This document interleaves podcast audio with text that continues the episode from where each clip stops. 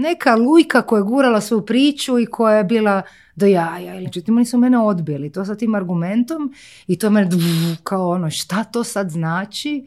Ostatak života nakon tog driblanja i tog multitaskinga koji sam ja tad preživjela, meni stvarno ovo sve u sekundi, bez beda, mm politika i ekonomija su me zanimala, onda jedan put sve sam negdje 23-24 godine, sam sve bacila niz vodu i krenula na život koji je totalno off the beat.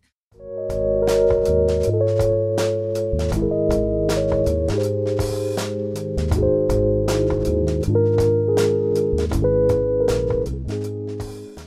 Kaže za sebe da se često ne libi da na društvenim mrežama objavi transkript svojih misli.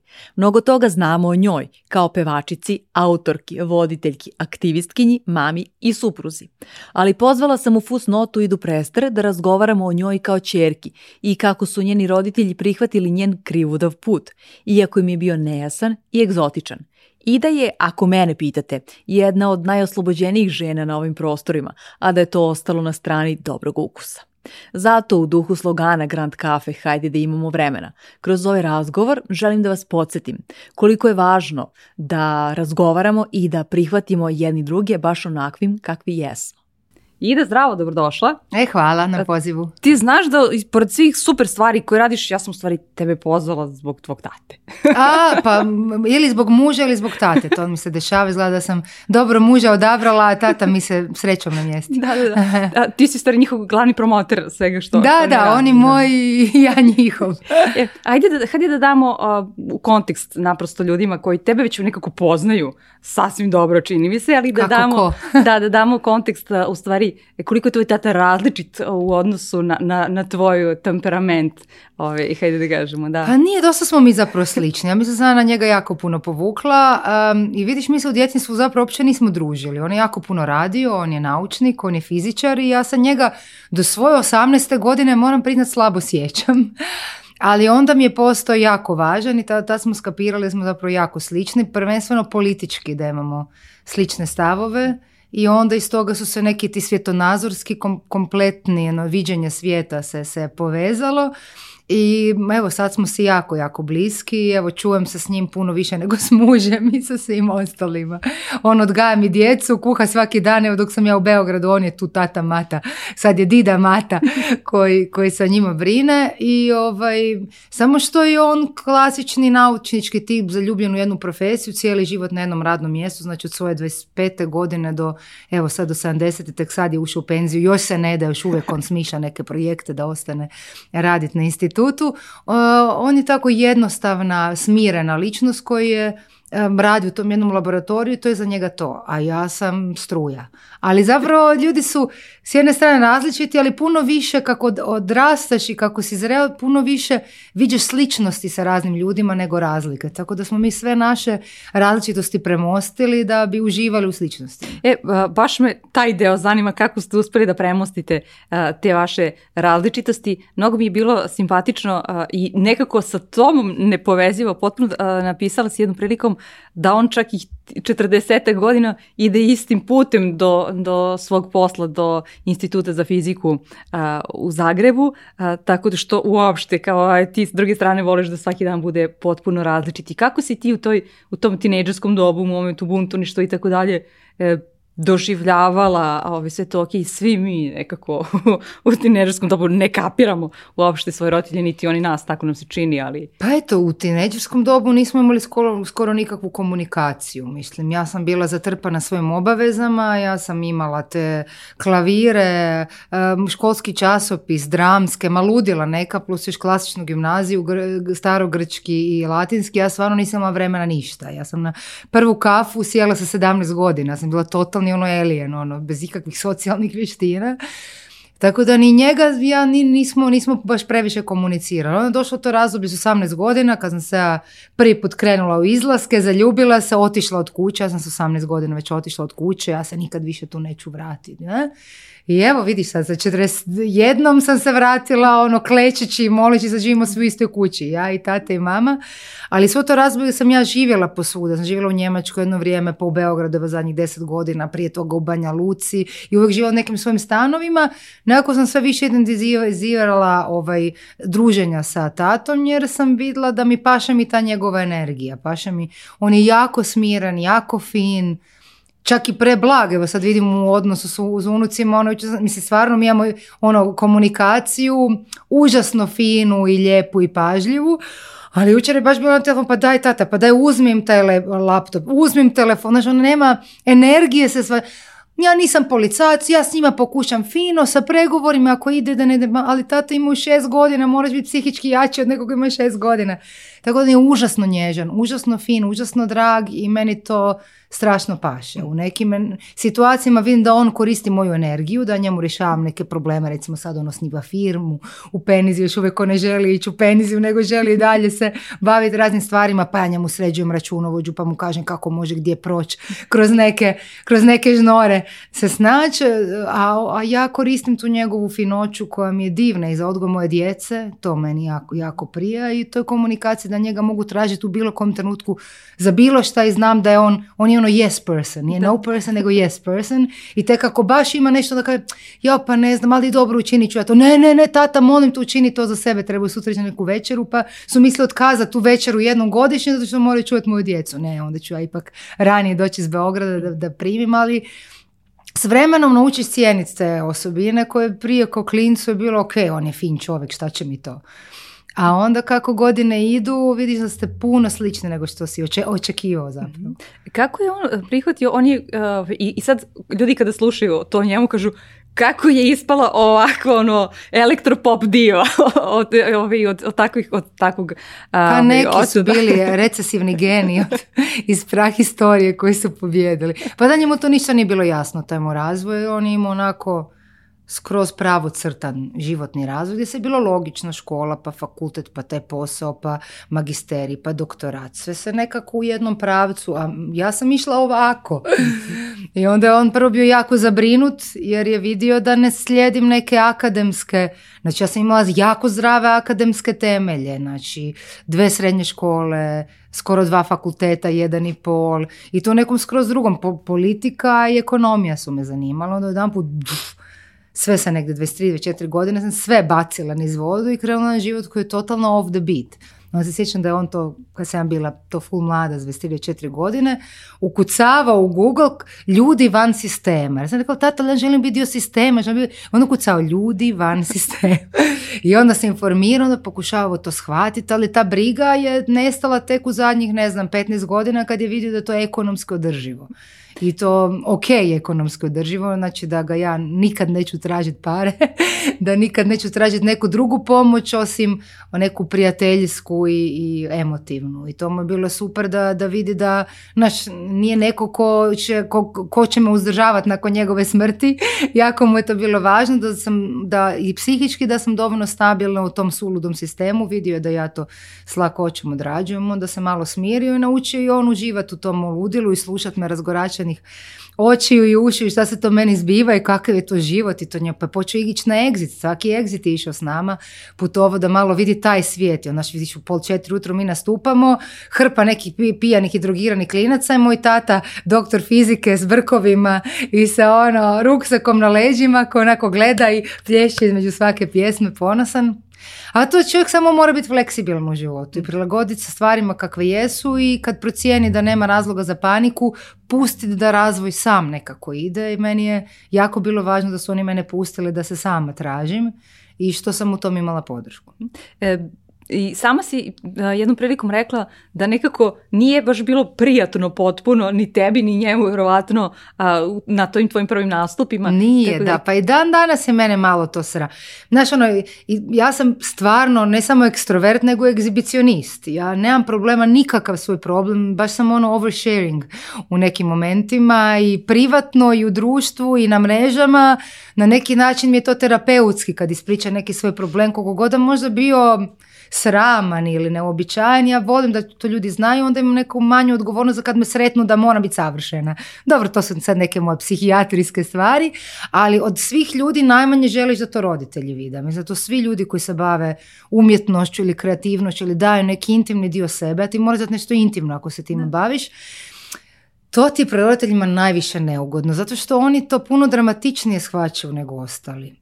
Znaš, ja kad ispričam ono, napravim pjesmu, ono, moj dečko je gej, da me ono dečko ostavio jer je shvatio da je gej, to je meni u tom trenu bila drama, napišem pjesmu, više mi nije drama, ljudima nikom nije drama jer je ta pjesma jako vesela i u stihu i rimi, ali mom tati naravno da je frka šta je tu bilo, pa sve te moje razne te pjesme koje su pratile taj moj kompletan razvoj karaktera, tu su pisane dosta traumatične neke situacije i on već i po mojim statusima vidi da ne su neke stvari meni bile puno važnije nego što ja to prihvać, prezentiram drugima i onda se brine i zato, ali ne možeš ti to izolirati. Ako je to već javno, ja se moram suočiti s tim da to na neki način moram tati objasniti na drugi način, da njega prvo smirim. Lako za mene, ali sad će on. Tako da, to je, mislim, klasična priča svih ljudi koji imaju potrebu raditi emotivni striptiz pred drugima. mm jel sada ga malo bolje razumiš kada si e, mama pa da, pa svi sad roditelje se lupamo po glavi, svima nam je jasno i ponavljamo iste rečenice i ono što ono si kažemo da nikad nećemo pilat djecu od onog gluposti ta, tipa pojedi, vidi kako si mršev, Sad su sve te rečenice koje meni prirodne izlaze iz usta i ste silne brige. Jer niko nikad neće biti toliko zainteresiran za tebe i zabrinu za tebe kao roditelj. I onda znaš ono u toj nekakvoj kako bi to rekla, jednadžbi u kojoj s jedne strane imaš dosadan si, s druge strane super si cool, rađe ću biti dosadna ako mu se mrvicu toga što kažem zalijepi, pa ipak to nek misli da sam dosadna. Nekog žrtvoj svu zanimljivost zarad toga da eventualno se neki savjeti posluša, barem jedan post. Ne, a kada te, tebi tata postao ovaj, super cool? Znam da je, da je čak ovaj, imao udela u, u tvojoj muzici. Pa da, on ima udjel tako što počeo ići na koncerte, što je meni bilo grozno, sam vidjela da ne mogu čovjek kupi kartu, šta, mislim, ne mogu mu zabrani da uđe. I onda sam u tim situacijama ja obično kad vidim da je to nešto što ne mogu promijeniti, onda se pokušam prilagoditi da bar iz toga nešto pozitivno izvučem. Nije sve tako crno. I shvatila sam, gle, tata je tu, a meni ja sam tad radila VJing, ne pomoću laptopa i projektora, nego e, pomoću grafoskopa. Znači mi smo imali na grafoskopu one folije sa svim našim tekstovima, nekim ludim crtežima, tata je onako tamo, mi te grafoskop e, ovaj, posuđujemo s njegovog instituta, ajde mu damo da nešto radi. I onda je tata tako bio VJ. Da, i onda je tata na koncertima bio ovaj VJ i on je tako pratio, onako te pjesme znao bolje nego ja i sve tekstove već proučio. U Google ono što nije znao i tako on pratio sve te stihove kako idu i... Da si mu poslije donosila ovaj, kada neku pesmu snimiš ili kada napišeš ovaj, samo stihove, ili mu doneseš onda prvo... Neugodno mi je to i dalje. Ne, ne, mhm. ne, ne.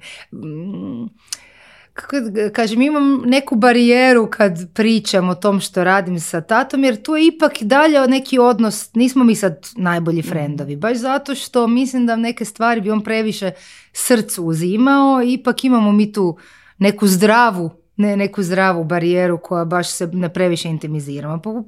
Puštam njega, nek on interpretira stvari na svoj način i tek kad vidim da negdje zaglibio u neko krivo tumačenje koje ga opterećuje, onda je uskočim, nema tata, to sam se samo šalila, to je bilo pa prošlo ali mislim da je nije dobro da smo mi sad, znaš, ono, takvi, da on dio mog benda i da sa mnom on proživljava, ne treba, to ipak treba ipak, ipak biti neka zrava distanca. E, ono što si e, malo pre rekla, to je nekako česta, česta pojava da baš roditelji imaju um, veliku potrebu da mi imamo ono, finansijsku sigurnost.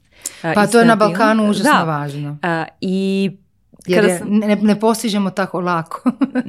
kada sam razgovarala uh, sa ljudima pitajući ho, uh, ovaj, o čemu sada sa tom razgovaram, aha, kao ovaj, kako su roditelji prihvatili taj vaš krivudovi put, oni su, dosta njih mi je reklo kao, kada su videli da sam na televiziji, da, da je objavio nešto čemu sam, na čemu sam radio ili radila na televiziji ili neki način, neki spoljn, e, spoljna potvrda da je dobro e, ono na čemu radim i kao onda su rekli, okej, okay, to je u redu, ovaj sada, nekako prihvatam uh, to. I sad, uh, koji je taj, taj neki trenutak bio takvi potvrde? Jel si imala baš neki kao ključan moment neke spoljne potvrde?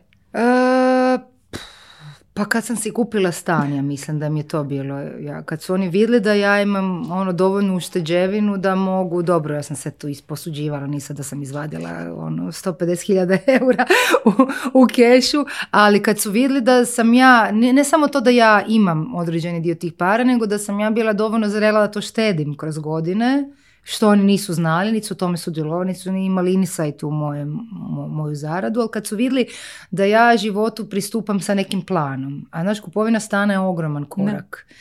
I, ovaj, I to je njima bio znak moje psihičke stabilnosti, vjerojatno, da sam se ja na to pripremila, da sam ja to odabrala, da ja znam što hoću i da sam, i da planiram svoju budućnost. Znači da nisam ono idem i dođem iz ono, naš, iz dana u dan, nego da sam imala neku, et, eto, neki fiksnu točku do, koje sam išla. Tako da roditeljima svako ima neko svoje, moje nisu toliko na ja sam na televiziji zadnjih 25 godina, tako da nije, nije njima neka stvar prestiža. Mislim, danas pogotovo svak se može u zadrugu javiti, ali kad su vidjeli da sam spremna donijeti neku važnu odluku i sfinancirati je što je važna stvar, da do kraja dovez, da to je je bilo onako kao wow, ok, ovo, će izaći na dobro jednog dana. A, kako devojka koja je imala tako, ovaj, tako blista, odnosno dobru akademsku podlogu i, ovaj, u tom trenutku kao blista takvu vrstu karijere e, e, pred sobom i kad treba da kaže e, kao roditelj meka, ja ću ovo da batalim, sa strane ću da ostavim to i, ovi, i moj izbor je, je neki drugačiji sasvim. Pa nisam imali nikad sad da sam ja sjela za stol pa imala coming out da ja želim biti pjevačica ili šta god, nego evo ja od 18. godine sam se ocelila, nisam njima polagala račune, znači financirala sam se sama i tako gradila neke te svoje putove neovisno o njima i samo u jednom trenu, da, prijavila sam se na jedan posao u struci, nisam ga dobila, točno se sjećam, ne znam da sam mi to ikad ispričala, da sam, prošla sam taj test neke je opće kulture i test, ne znam, neki, ne znam, dva neka testa su bile, to je bilo sve ok, ali na intervju je ta korporacija u kojoj sam se ja prijavila nakon završenog ekonomskog fakulteta, poslušali su me, ja sam se trudila tamo da budem sve ko normalna, ali nešto je valjda provirio neki beđ, nam pojma pa neka podere nam pojma šta, oni samo rekli, vi ste nama izvrsno to sve odradili i vidimo jako se nam simpatičan, nama nažalost u ovom trenutku ne trebaju kreativci. I tu je meni, ja sam se jako me to pogodilo, jer sam navikla da mi sve ide glatko, znači meni sve u životu i te škole, fakulteti, sve super ocjene, stvarno sam dobijala što god sam htjela jer sam se potrudila i ovo je bilo nešto što sam se potrudila, očekivala sam da, da će oni meni se rasprositi i reći bire poziciju. Međutim, oni su mene odbili, to sa tim argumentom i to je mene kao ono, šta to sad znači? I ja sam dan danas tim ljudima u tom agrokoru zahvalna do groba jer su zapravo ispravno procijenili. Ono, ja sam stvarno iz neke totalno druge priče i možda par mjeseci nakon toga se slučajno desila ta prilika. Muziku sam ja stalno radila, ali nije meni muzika bila nikad sure shot da ja s tim mogu živjeti, hvala Bogu, nikad u to nisam polagala nade, ali su mi se javili sa televizije da bi me htjeli probati za tu emisiju Briljantin gdje sam onda upala i onda vodila je sljedećih, ne znam, deset godina se tom posvetila i to mi je onda bio osnovni izvor prihoda. Znaš, kad ti deset godina si u svijetu medija, ti sama znaš, jako teško je nakon toga se vratiti u ured. Tako da jednostavno su vidli gdje to ide i vidli su da ja se tu prihvaćam i druge poslove, da radim neke paralelne stvari, da ono nisam se sad sva jaja u istu košaru i da od tog nekog čudnog pačvorga koji oni dan danas ne razumiju. mama je dan danas pati što ode na placi, sad su te kumice na placu koje u robu i ona s njima stalno gdje, gdje, Ona ne zna reći šta, šta sam ja, čim se bavim. Znači ovo kaže, ova je doktorica, ova frizerka, ova direktor. Ona niti imam titule, niti imam ni zanimanja i sada kad je diplomirani ekonomist. Tako da to je iz pozicije nekog ko je raso u ono socijalističkom periodu koji tako ko moja mama i tata su išli. Jako im je to zbunjujuće, ali su se prestali tim opterećivati kad vide da to je sve skupa ok, valjda. Da, nisi čiji roditelji, tako imaju problem da nekom drugom, što, što ne mogu da kažu kakvu titulu ima takve vrste. Pa da, moja mama se recimo jako začudila što mene ljudi prepoznaju na ulici. Kao, pa kako te prepoznaju na ulici? Pa ti već 15 godina nisi na televiziji.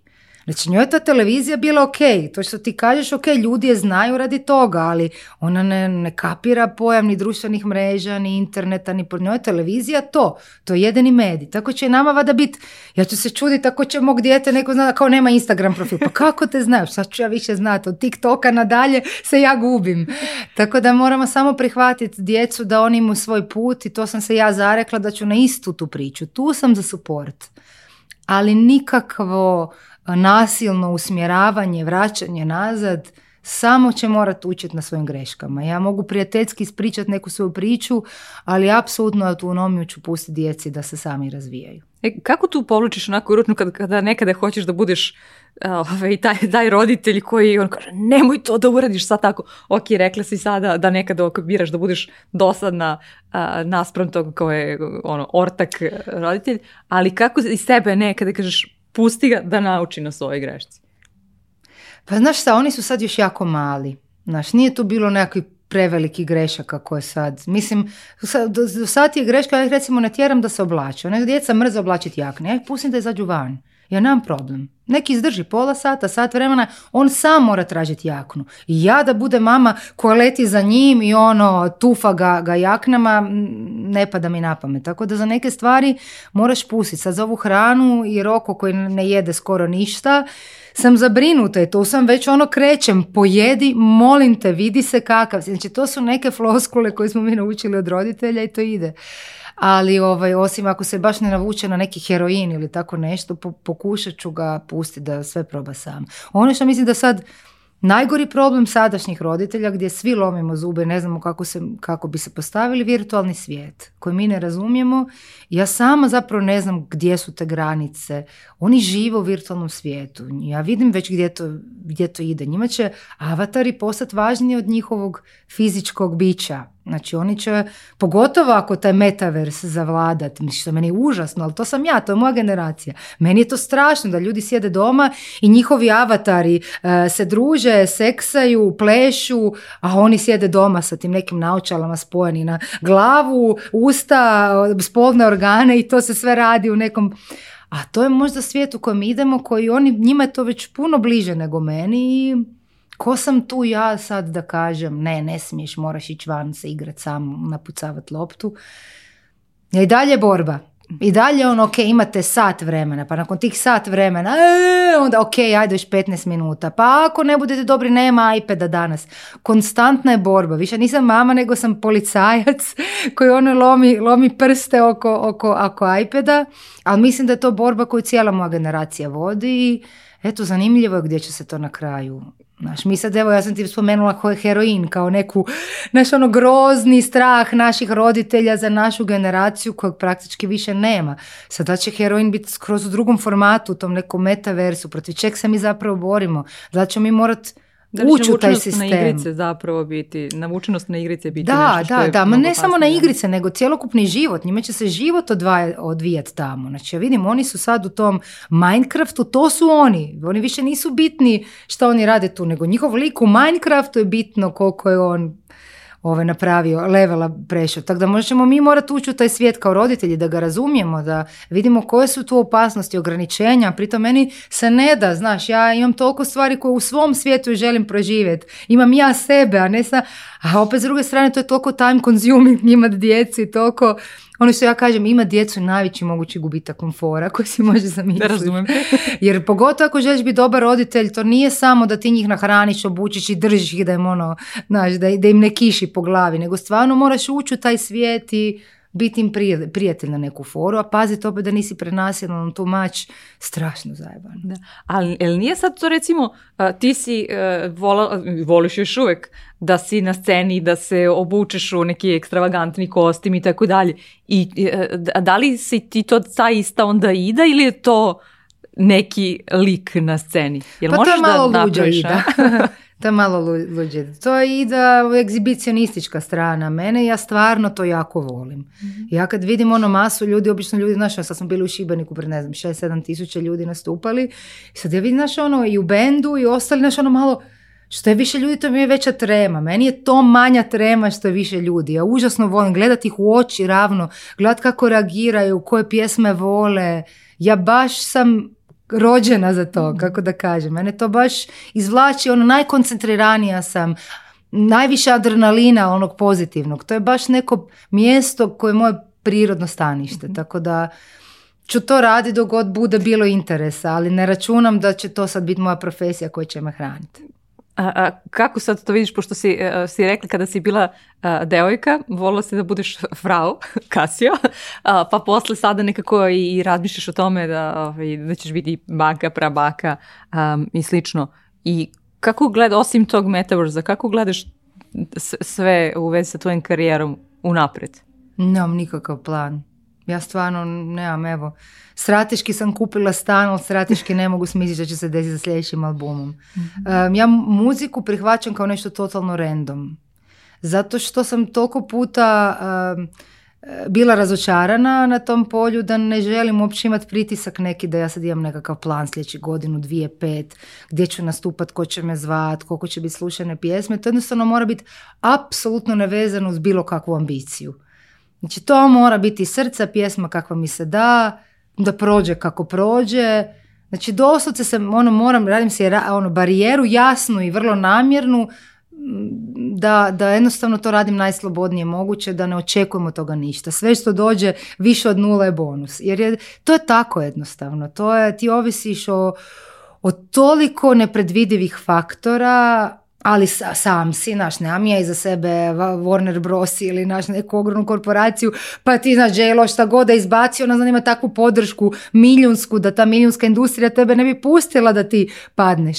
Kad si sam u tome, onda ti, to, je ono kako vjetar puhne, pa dođeš u modu, pa van mode, pa jedan put neka stvar da je hit uopće neku i zašto, druga na koju si užasno puno računa, užasno ono, potrudio i jako ti je važna, ne ispadne hit, niko je ne na bende. Znači, te sezone je neko drugi u džiru i ljudi se zasite, pogotovo na ovom našem alternativnom tržištu, znaš. Ljudi koji slušaju narodnjake su jako lojalni. Znaš ti kad imaš jednog Sašu Matića, jednog ovog kak su, Acu Lukasa, to su ljudi koji su ti ono vjerni do groba. Ti na alternativnoj sceni Svako malo dođe neko novi, pa više nisi cool jer si prošle godine bio cool, ali ne treba prema tome imati ni neku negativnu emociju, ni se radi tog frustrirati. Ono. Jednostavno, samo je bitno da radiš što voliš. I ne optuživati ljude im se nešto nije svilo. Nisu ni krivi što tog trena im nisi fora.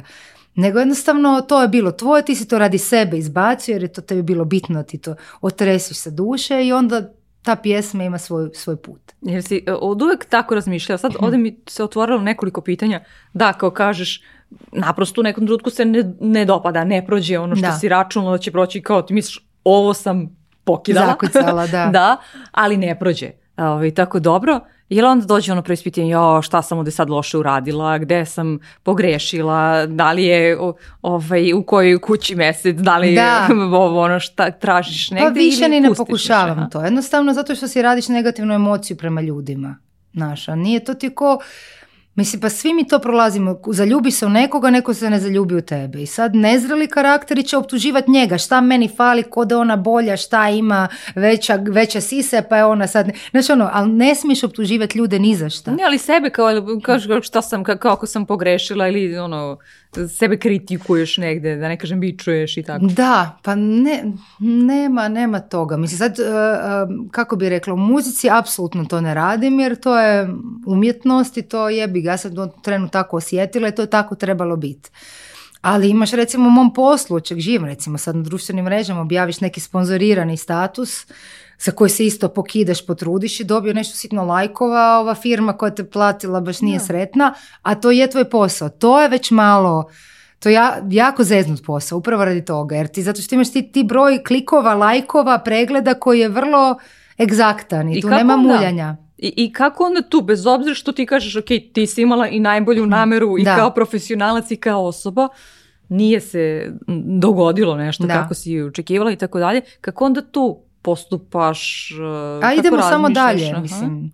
Nije uspjelo, pokušam nešto naučiti stoga. toga. Dobro, ja već stvarno dosta poznam svoju publiku i to je ono, 50.000 ljudi kojima ja odgovaram na svaku poruku, družim se s njima, pratim na što vole, što rade, tako da ja znam kom se obraćam. Nema tu nekih velikih iznenađenja, ali koji put jednostavno loš dan ili ne znam, loša poza, loše svjetlo, ljudi nisu skapirali nešto što ne, nije, nije ni bitno, jednostavno idi samo dalje. Ne, nema stajanja, nema tog bičevanja, to mhm. ničem ne služi. Samo pokušaj naučiti, ako ima, ako ima ikakva pouka, pokušaj je uhvatiti. ako nema ili ne možeš procijeniti šta je to bilo, samo idi dalje. E, rekla, si malo pre e, da su te ranije neke stvari razočaravale. Šta ume kao takvo da te razočara? Pa svašta. U prevelikim očekivanjima. Da, ne, pa svašta. Pa naravno da, znaš, kad planiraš neki koncert pa ti dođe desetoro ljudi da je to užasno poražavajuće i da to, ja mislim da su ljudi koji se bave muzikom, da oni moraju imati ono ego od elastina jer je jako je teško to prije. Ja ne znam ko se može umisliti, pogotovo tu u alternativnoj muzici, gdje svakom se desi da jedan put ti dođe 500 ljudi, a drugi put ti dođe 50 ljudi, ti uopće ne možeš skuži zašto. Šta se u međuvremenu promijenilo i to je nešto što je tako kozmički neki trenutak i jednostavno moraš si izgraditi hitinski obrambeni sustav. Mm-hmm. Ono, Kako, da, znaš, i ti si čula isto radno, ono, sto puta da neko kaže kao, ja se apsolutno isto ponašam kao da je jedna osoba u publici ili eto kao što si navela primjer Šibenika nekoliko ove, hiljada.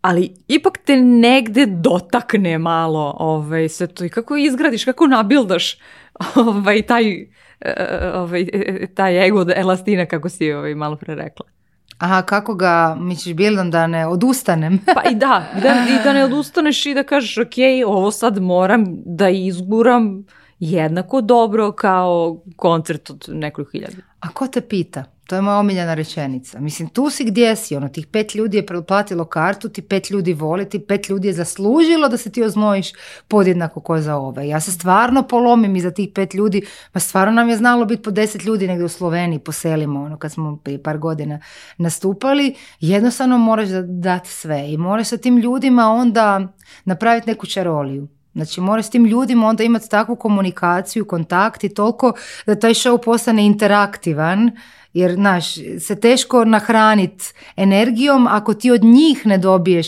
povratnu informaciju. I onda stvarno, to je onda stand-up show. Jer onda mora biti zabavno svima nama kao da smo na nekom jakom intimnom, čak ni tulumu, nego večeri.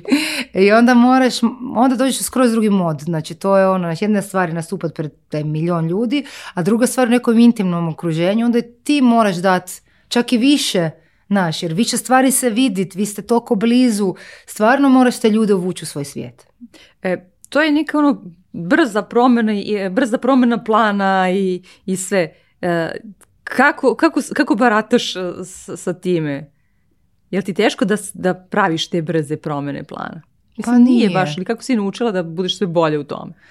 Pa gle, ja sam išla u dve srednje škole na dva fakulteta odjednom. Ja stvarno, kad sam, te dvije ja kad sam te dvije srednje maturirala ono iste godine i tu muzičku i klasičnu, meni se otvorio svemir. Ja sam ta, to, to je bio nepodnošljiv trening. Ja sad kad idem unazad, to je bilo maltene zlostavljanje koje sam si sama nametnula. To je bilo bolesno. To je bilo 25 predmeta u klasičnoj, 20 predmeta u toj srednjoj muzičkoj, plus vježbanje klavira 3 sata dnevno. Znači ja nisam jela ni spavala. Nakon tog treninga meni je ostatak života pjesma. Evo, stvarno glupo da pričamo o nečem što je bilo pred 30 godina i više, ali mene to stvarno ko ono, ne znam, Đokovića ili Kostelića koji su trenirali po, po ono, smrznutim pećinama.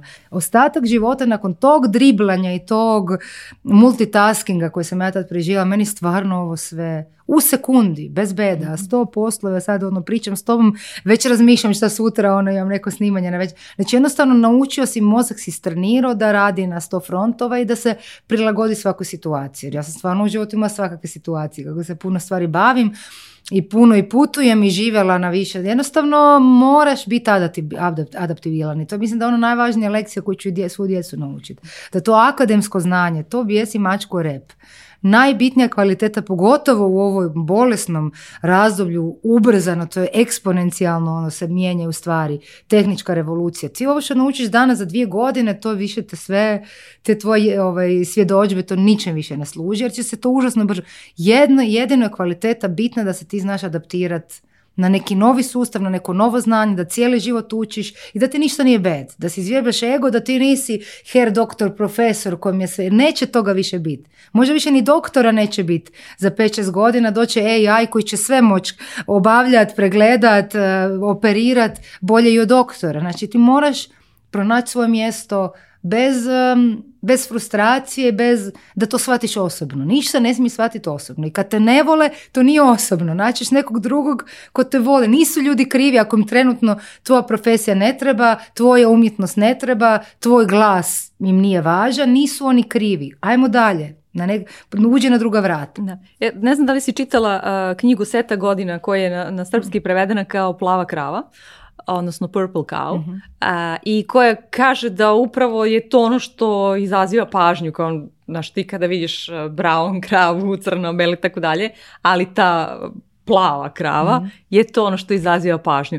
E, u kontekstu ovoga što si sada rekla, jer onda kao nekako pokušavaš da napraviš nešto što je potpuno izlizano zvuči, ali kao ono, izvan kutije i tako dalje, da bi privukla neku pažnju, naravno u, u granicama onoga što si e, ti ili šta, kakvom, kakvom se onda strategi, taktikom stvari složiš? Pa ja samo živim.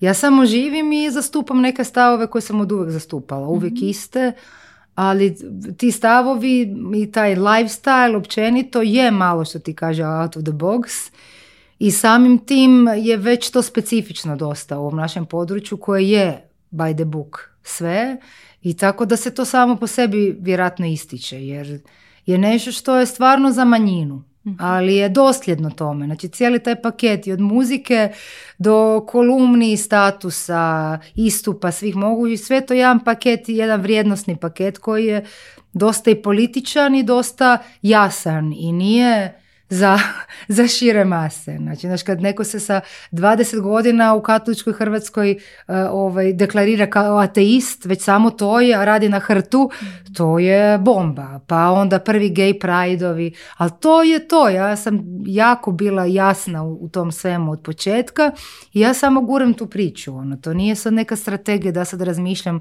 da li nastupat na Srpsku, na Beogradskom gay pride ili ne, nego je logično da me zovu i logično je da nastupam. Tu uopće nema dileme i nema kalkulacije da li je to meni pametno.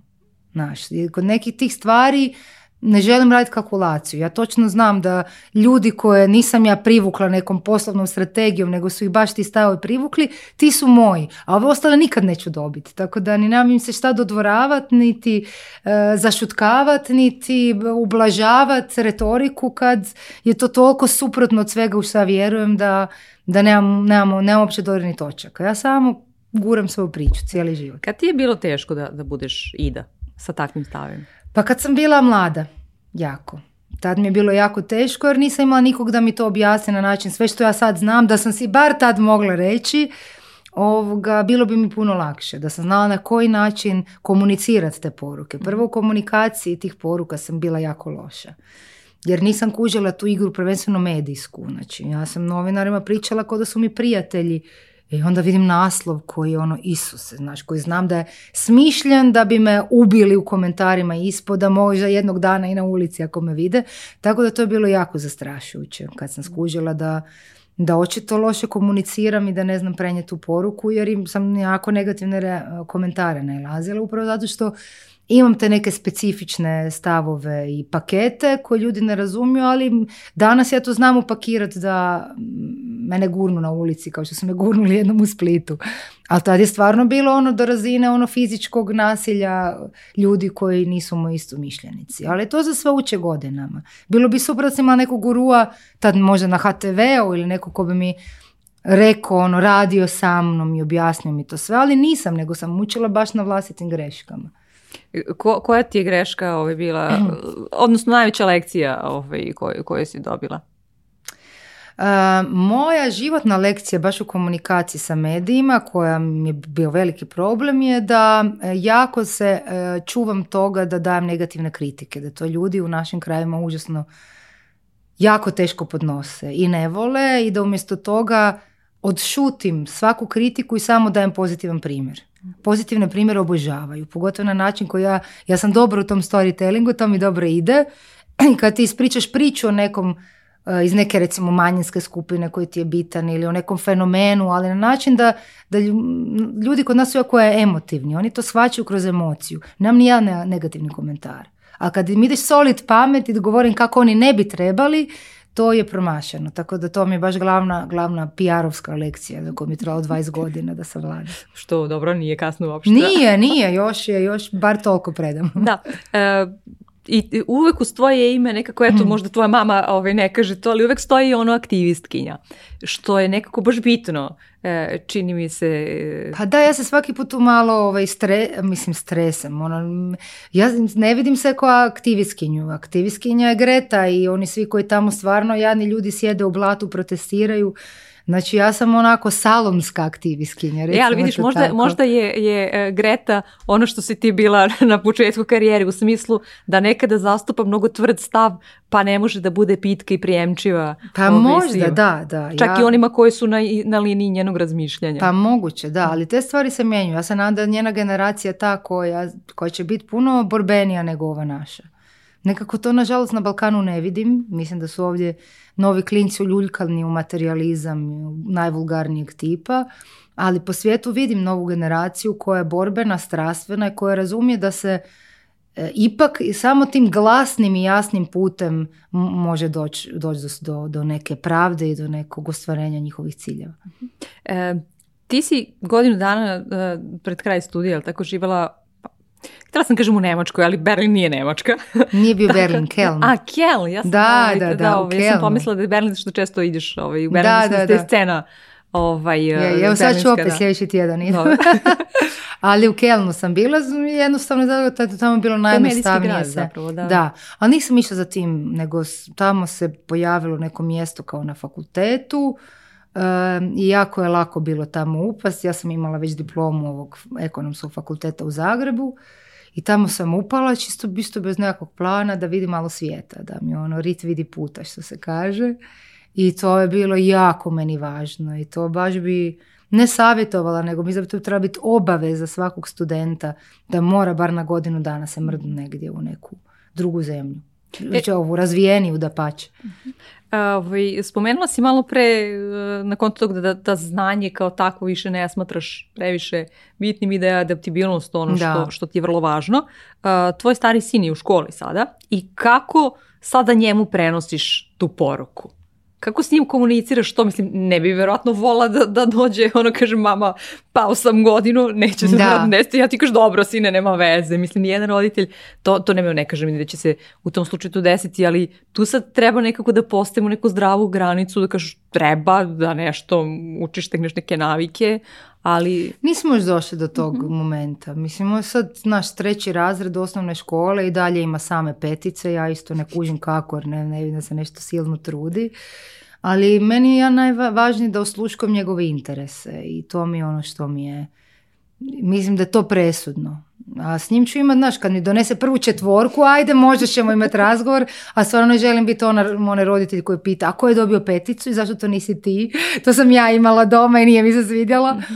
Ovaj, eh, želim stvarno da od početka gaji svoja neka inter, interesovanja i da se, da se tako gradi. Ja sam imala previše svega, ja sam htjela biti najbolja u svemu. To je bila ludila od plesa, e, gimnastike, francuskog, e, e, sve što postoji, te muzičke, školske ili sve odjednom i to je bio totalni kaos.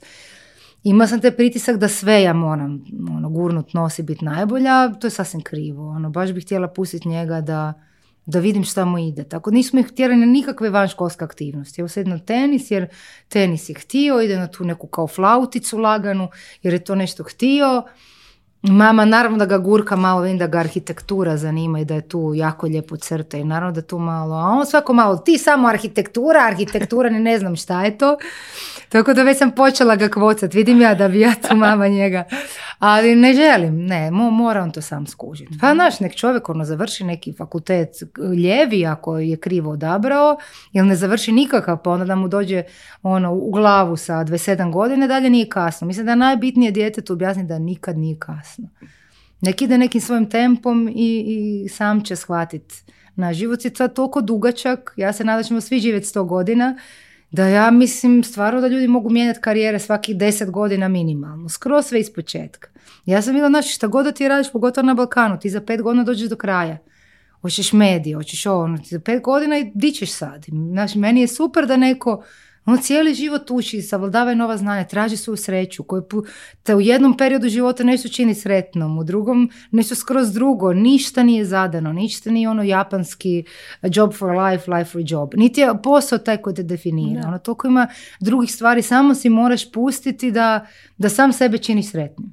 E, a gdje je nastala ta, taj kvrc u tebi, hajde tako da kažemo, potpuno neka, pa možemo da kažemo delom uh, ovaj, tranzicija od te E, devojke koja je e, ti si još uvijek devojka ovako, mislim, da. nego tineđerke gde je devojčice, da, e, koja je težila da bude najbolja u svemu i, i da li prvo, eto, pod pitanje da li to sa tvoje strane došlo ili je uh, hajde kažemo okruženje to nekako tebe uh, Sve bila da. sam dosadna jako tada. Ja sam mm -hmm. bila mhm. dosadna. Mislim, to je kako ono iz Shininga je, je da citiram ono Jacka Nicholsona all work and no play makes Jack a dull boy to je to. Ono, ti jednostavno kad si skroz u poslu, bez igre, igra je mhm. jako važna. A ja sam kao dijete, ja nisam imala uopće igre. Ja se nisam igrala, ja sam vježbala černija, baka, to nije igra.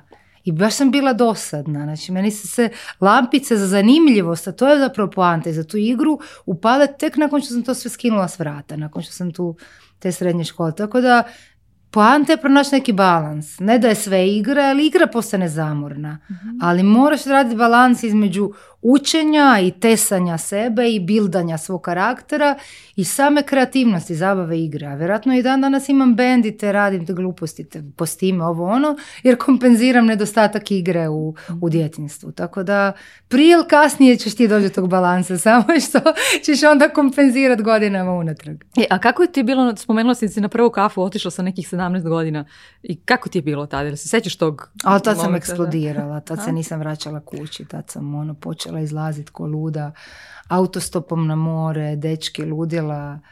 Mhm. Ali dobro, nisam stvarno nikad radila ono ozbiljna prekršaje. da, da. Nije, ali kako su to moji roditelji izdržali, pazi to u razdoblju bez telefona, da ti dijete ode interrailom samo i mjesec dana se ne javi ja to stvarno ne razumijem, ono, ja bi poludila. Iz moje perspektive današnje to nenormalno, ali oni su mene pustili, ja bi se tu i tamo nešto mailom našla bi neki internet kafe tad bio da se mailom javim tati. I to je bilo to. Znaš, tako, tako, tako ti to ide. Evo, volim onda ovako, uz ovakve priče da pitam kakva bi ti Ida mama bila, odnosno kakva bi mama bila tako i ono meni to nezamislivo stvarno. Ja stvarno kao većina valjda roditelja bi narađe čip ono, ugradila u oči mom djetetu ko ono Black Mirror jednoj epizodi da vidiš doslovce sve što mu se zbiva. Što onda na kraju spadne kaos. Da, da. Kaos totalni. Ti moraš kao roditelj dopustiti tu razinu slobode. To, je jako, ono, puno smo pričali o tome, ali mm. svako od nas mora naučiti i nije svako dijete isto. Ti sam moraš dobro upoznat svoje dijete, to ti je prva za, ono, zadaća kao roditelja, da bi onda mogao prilagoditi svoju odgojnu metodu. Nekom djetetu baš paše ono, stroga direktiva i ono, naš, ono, pod čizmu autoritet. Ja mislim da većini djeci to ne paše. ali do koje razine se igra to ono policajca, lopova, mrkve batine, to je to, to svaki roditelj mora u odnosu na svoje dijete nekako. Ali ono što sam ja stvarno mojim roditeljima priređivala kad bi išla to autostopom i najavljala se bez telefona, ja to ne bi dva dana preživjela. Ja bi ono išla u potragu. Ono, naš ono Interpol A, angažirala. Da, angažovala detektive, to postoji da. i ode da ovaj, mu u Beogradu da ih angažuju. ne znam baš da li za decu, uglavnom za uh, sumnju da, je za neki partner. da, da, da, ja bi za svoje tineđere ćeš mi svakako dati neki kontakt.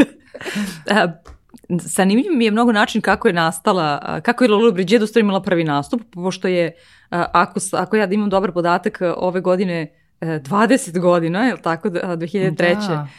Kako si planirala da, da praviš neki veliki partij? Jo, nisam uopće planirala ništa. Sad kad si mi rekla stvarno, ali nisam, da, Znaš, kad ja ne doživljavam muziku kao nešto što se programira, ali zapravo je bilo logično i praktično da se to na neki način ovaj, e, proslavi. Pa da, ja sam to napravila cijeli album bez ikakve ideje da ću to ikad izvoditi I onda je to moj prijatelj dobio za rođendan kao poklon, taj moj, to sam ja izrazivala iz kartona i papira, ljepila omote sama, pržila taj disk. On je to dobro rekao, daj ti to za moj rođan sad kad ću slaviti, izvedi. I onda ja, ajme, pa kako to, pa to je elektronska, mislim, to sam se sve na Sintiću ovako lupala, to je nemoguće uživo izvest. I on sam rekla da ja to na neku matricu snimim, ali da se tamo ne brukam sama, sam pozvala prijateljicu da to ona sa mnom tamo izvede i tako je cijela priča krenula, mic po mic. Da. E, e, a jesi ti kao, ovaj, onako vrlo ekstrovertna osoba, dok si e, sve to, pošto si praktično sve snimala, sve uradila si sama koliko znam. Da. Jesi a u tom trenutku ono kao pozvala nekoga za nešto ovaj, dok, dok nije bilo gotovo, dok nije bilo finalizirano? Ne. pa ne, to je bila stvarno moj, ja sam to zvala bedroom pop.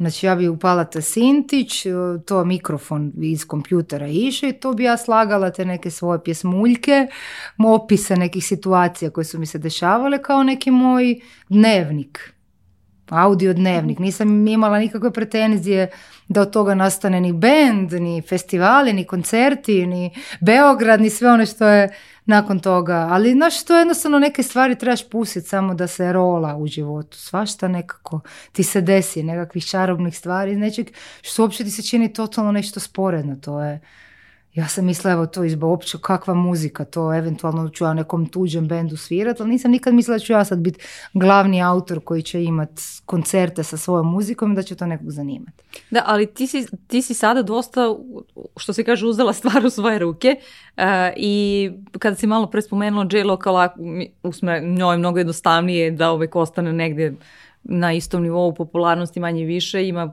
Dobro, ima to i ona svoja je, dark ali...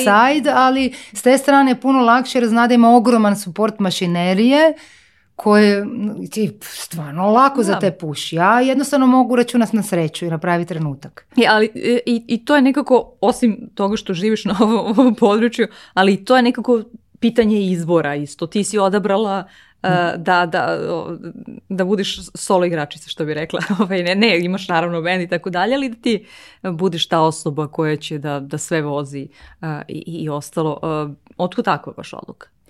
Pa zato što je to moja privatna priča, kako bi rekla. Sve stvari su moje, ja ne pjevam tuđe pjesme, ja Znaš, evo, i j ona je proizvodi, ona stvarno mora imati veliku psihofizičku stabilnost da izdrži pritiske, vježbanja, treninga. Ja ne moram ići u teretanu, ja ne moram pokazivati trbušnjake nikome, ali s druge strane ja imam svoju priču koju proizvodim i meni je logično da sam ja sama guram svoje tekstove, svoju muziku, svoju neku ideju i da za nju onda apsolutno i odgovaram.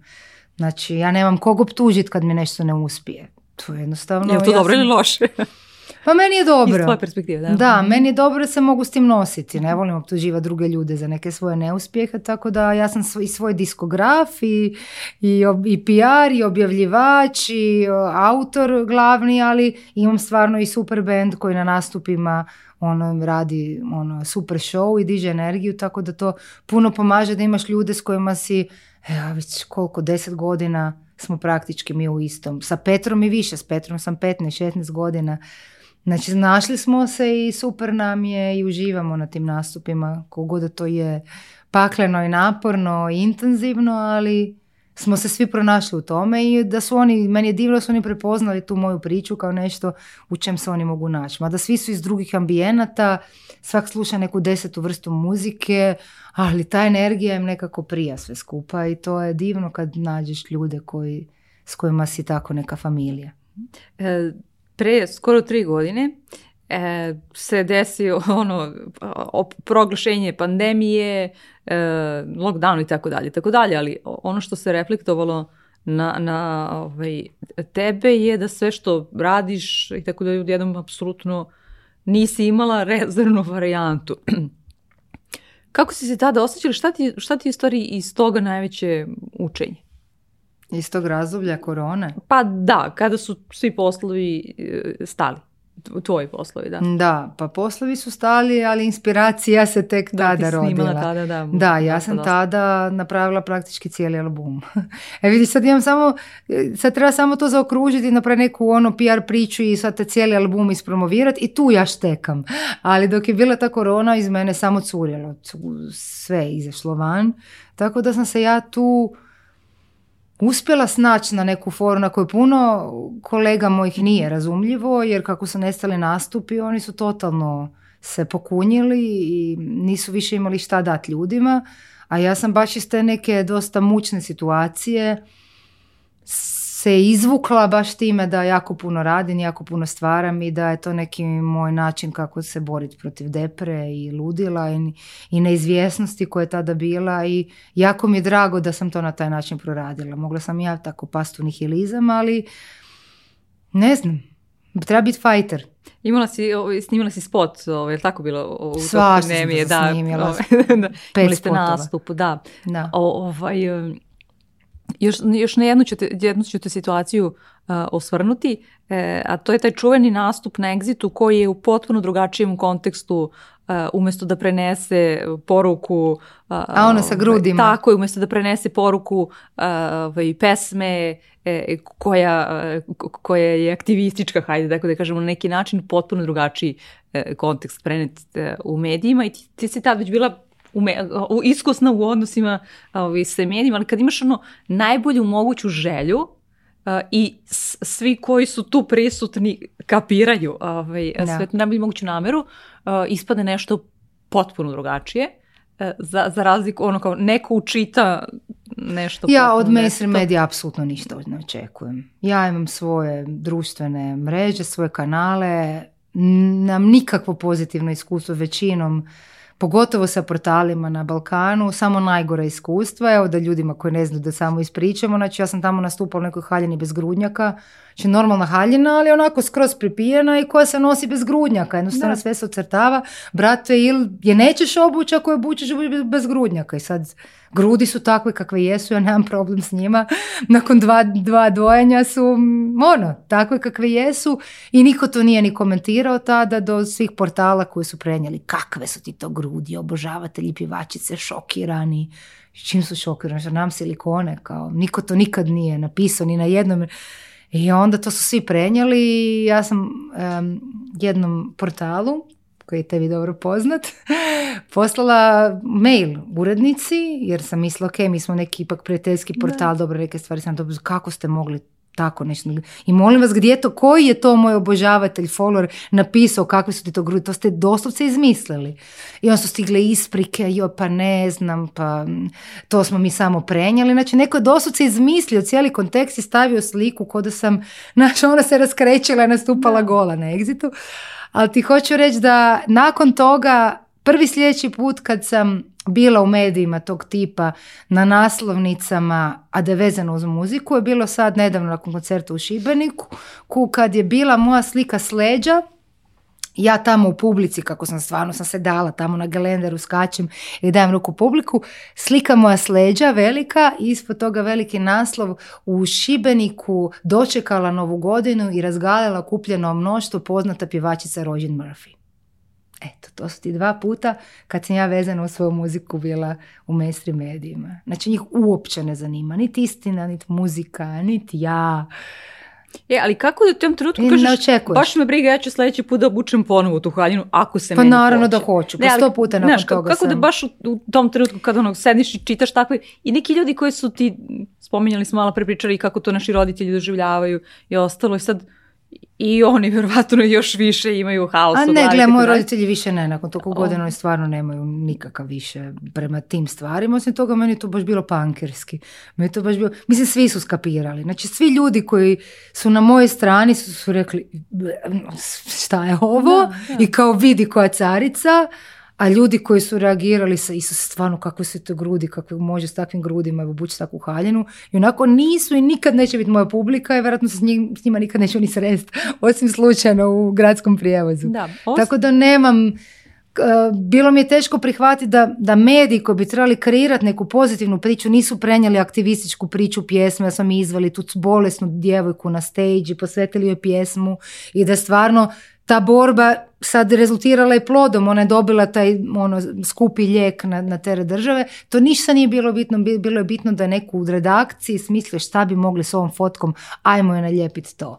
To je jako tužno, da ljudi koji su kultivirani, koji bi trebali imati odgovornost, koji su pismeni i koji moraju odgajati javno mijenje, će na taj najodvratni clickbait način privlačiti pozornost i to svi, znači nema portala koji to nije prenio. Znači ja nikad nisam na naslovnicama portala svih osim tada, ali to je jednostavno nešto što trebaš u sam sebi objasniti da to tako i za stvari koje ne možeš promijeniti se ne trebaš više ni uzrujavati. Da. Ovo sam te pitala uh, e, najprije u kontekstu toga e, ako misliš da si za nešto u pravu, a veći, mislim na žalost, ali ovi, u ovom slučaju govorimo o nekim mainstream medijima, ovaj, e, a, većina baca svetlo na nešto drugo, kako da ostaneš dosledan tome zašto ti ovi, smatraš da, da, jesi u pravu, jer onda se nekako malo ipak koliko god ti čvrsto u tome, osjećaš se malo nekako poljuljano, kao bez veze ti, ono, ljuta Ja se uopće ne osjećam poljuljano, mene to još više motiviralo. Znači, toliko se filtrira, toliko je taj svijet polariziran. između taj svijet jeftinog spektakla, kića i pornografije u najgorem smislu. Mislim, ja volim pornografiju, ali ne, ne, u ovom smislu. Eh, I nekog svijeta koji se trudi biti autentičan, dosjedan sebi, priroda, nenamješten, nelažan, da što su više oni lažni, isfiltrirani, to ljudi koji žele ostati autentični više dolaze, dolaze do izdražaja. Ja recimo sve manje potrebno se šminkam, na primjer, kad, kad vidim kako žene izgledaju danas, koliko oni svojim licem koje je totalno izmasakrirano daju poruku svoje nesigurnosti, tim više imaš potrebu reći, ja sa sebi super i sa svim ovim borama i sa grbom na, nosom, na nosu i sa svim nesavršenostima, to onda više imaš potrebu za tim nekakvim svojim privatnim buntom, bez da ti sad njima soliš pamet, nego ti samo, to što sam ti rekla, svojim primjerom, svojim golim grudima izdojenim uskoj haljeni daješ neku potrebu, poruku. nama je potrebno ništa to pre, previše više komentirati, niti se zgražati nad nekim ko nije takav. Jednostavno ti svom pojavom i svojim dijelima daješ neku priču koju, na koju će se ljudi onda na, ili nakačiti ili neće. Šta, whatever. E, kad smo kod te autentičnosti, ja ovaj, imam, e, za, uvijek u gostima postavljam jedno isto pitanje, a to je, ako ko si on, u suštini ti? Da pomognem to tvoj mami da... se. Ko si ti onako kad sklonimo sve te ove, ovaj, titule i dobijene i kroz obrazovanje e, i kroz karijere? Pa ja mislim da sam jedna osoba koja se trudi nakon e, svoje smrti, koji će se desiti kad tad, ostavite to malo svjetlucavog praha iza sebe. Samo bih htjela da nađete se ljudi koji su te doživjeli, bilo iz skroz izbliza ili malo dalje, da ti se sjete s nekom pozitivnom vibrom i sa osmijehom i da, znaš, ko su se, znaš, ćemo se mi sjetiti Vivian Westwood recimo. Neka lujka koja je gurala svoju priču i koja je bila do jaja ili ne znam, Davida Bovija. Nije da se ja sad s njima uspoređam u umjetničkom smislu, ali ta razina neke topline koju su ti ljudi isijavali. Mislim da to ne možeš puno toga više napraviti. Neću izumiti lijek za rak, to mi je užasno žao, ali nisam išla tim, smjerom. Samo se nadam da ću ostaviti eto komadić neke dobre energije. E, hvala ti na tome vremenu što ti postavim posljednje pitanje.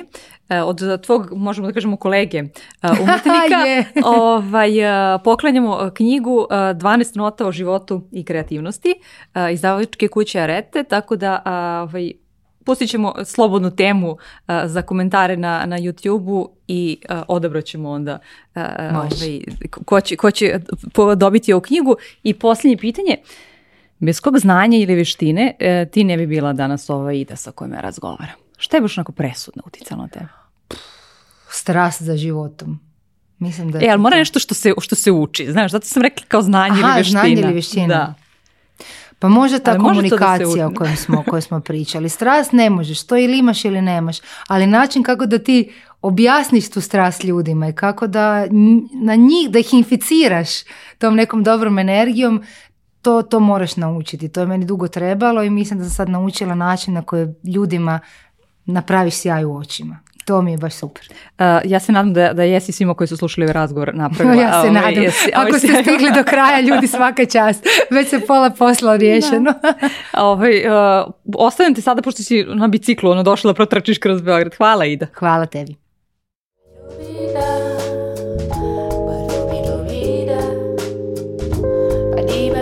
nada para, para raro.